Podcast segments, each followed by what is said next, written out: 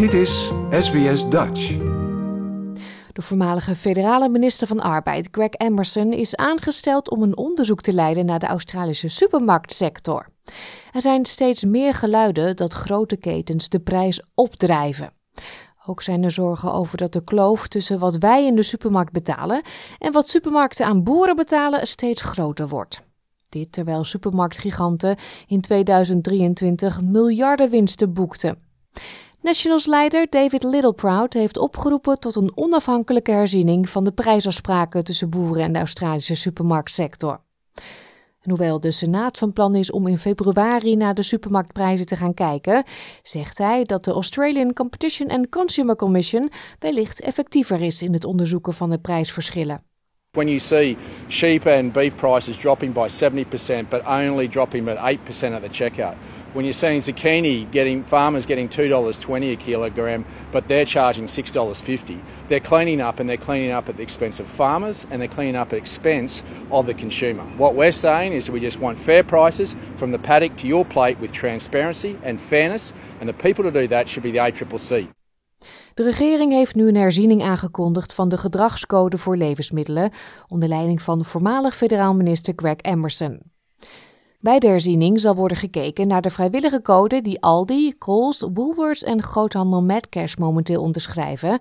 Hierin staat dat detailhandelaren en groothandels altijd te goede trouw moeten handelen jegens leveranciers.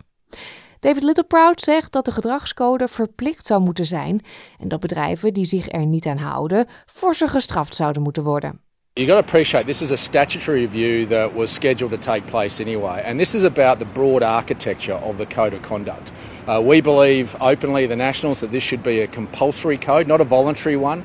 We believe that the penalties shouldn't be where they are at the moment, which is about $64,000. The supermarket pull that out of one of their tills in Sydney or Melbourne to pay for that if they've done wrong.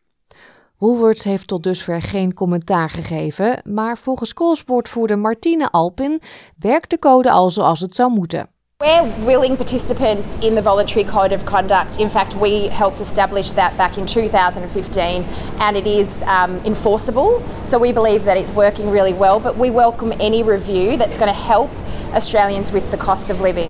Supermarktprijzen en de relatie die supermarkten hebben met klanten maken geen deel uit van deze review. Toch zijn zorgen hierom ook een drijvende kracht. Premier Anthony Albanese heeft gezegd dat het onderzoek een van de manieren is waarop de regering de kosten van goederen in de supermarkt wil verlagen. Craig Emerson zegt dat het succes van supermarkten niet wordt gedeeld door hun leveranciers. Supermarket profits look pretty healthy. Um, you wouldn't be able to say to farmers that their profits are all that healthy. And if you ask consumers, and I do a lot of my own shopping, uh, prices definitely have been rising sharply. Volgens hem zal er uit onderzoek naar voren komen wat er moet worden aangepakt. If we did nothing, then the, even the existing voluntary code of conduct would expire in 2025. So it's got to be replaced, either renewed and improved, or have another approach. And so we're considering all options. Martine Elpin zegt dat Coles al zoveel mogelijk doet om de prijzen te verlagen en eerlijk te handelen. So we have been on a mission to reduce prices for more than 10 years now. Um, it's something we're really passionate about and we continue to work out where we can reduce prices for our customers.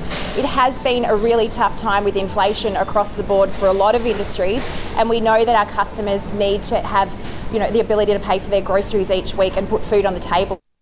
De voorzitter van de National Farmers Federation, David Jochinki, zegt dat hij hoopt dat deze herziening tot een positieve verandering zal leiden. What we don't want to see is just another inquiry that carries recommendations that aren't acted on. We have had inquiries into the grocery sector before.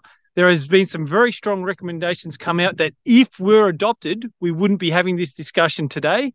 And what we want to do is see some meaningful change, not only around the grocery code, but actually along the supply chain and competition laws so that we can get better transparency for farmers, make sure that there is fairness in the contracts, and therefore um, have greater understanding if there is somebody has broken their part of the oblig- obligation, that there is a penalty at the back end of that so that people can be held to accountability. Dit was een verhaal van Sydney Lang voor SBS Nieuws, door SBS Dutch geproduceerd in het Nederlands. Like, deel, geef je reactie. Volg SBS Dutch op Facebook.